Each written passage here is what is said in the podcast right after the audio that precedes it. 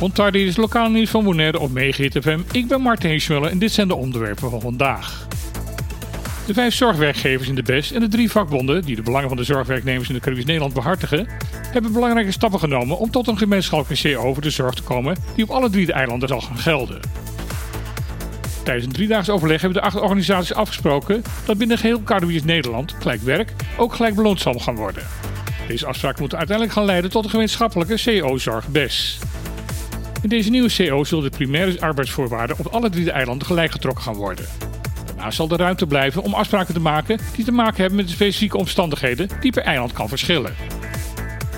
Een technische commissie zal de komende tijd de afspraken verder gaan uitwerken. In september in dit jaar volgt er dan weer een meerdaags overleg waar dan punten op de i worden gezet. De invulling van de CO streven de partijen ernaar om deze zoveel mogelijk te laten aansluiten op de zorg-CO's die gelden in Europees Nederland. Afgelopen zondag is voor de tweede keer de jaarlijkse muziekweek voor kinderen van start gegaan. Deze wordt georganiseerd door de Art Culture Education Foundation. Het thema van dit jaar is We reizen de wereld rond. Om de week te kunnen organiseren hebben diverse lokale organisaties zich bij de stichting aangesloten. De bedoeling van het evenement is kinderen een week lang onder te dompelen in muziek. Het evenement kent zijn oorsprong in Europees Nederland, waar de muziekweek voor kinderen al 15 jaar wordt georganiseerd. Ook werkt Art Culture Education nauw samen met organisaties in Curaçao. Het is de bedoeling om in de toekomst een samenwerking tussen de twee eilanden op te zetten. Het evenement wordt ook ondersteund door de Bonaireaanse overheid. De organisatie van de Muziekweek heeft het bestuurscollege van Bonaire gevraagd om dit muziekfeest tot een officiële jaarlijkse viering te verklaren. Op deze manier hoopt de stichting muziek nog een belangrijkere plek in het leven van de kinderen te kunnen geven.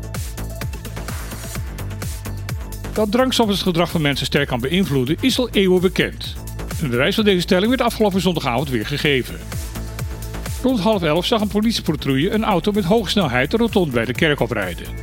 Omdat dit gelijk een gevaarlijke situatie opleverde, werd de bestuurder door de agenten gesommeerd om te stoppen. De bestuurder van de auto gaf daar wel gehoor aan, maar werd gelijk na het uitstappen flink agressief tegen de agenten. Bij controle bleek de man geen geldig rijbewijs en verzekeringsbewijs te kunnen tonen. Tijdens de discussie die de man had met de agenten, doet hij de hele tijd een bierfles vast. Reden genoeg voor de agenten om de man ook een blaastest te laten doen. De uitslag daarvan was dat er besloten werd om de man mee te nemen naar het politiebureau.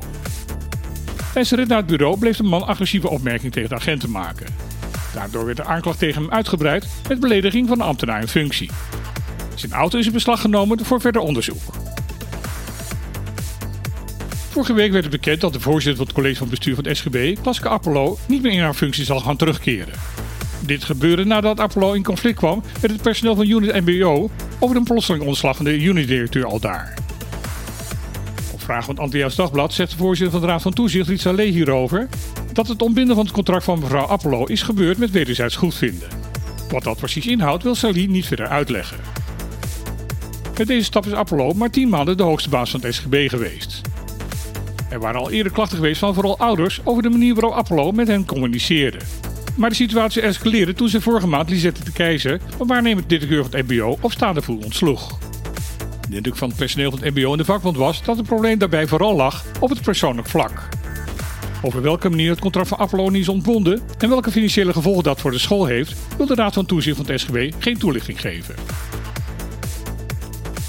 Dit was weer het lokale nieuws van vandaag op FM. Ik wens iedereen nog een mooie en niet al te warme dag toe. Morgen zal er geen nieuwsuitzending zijn.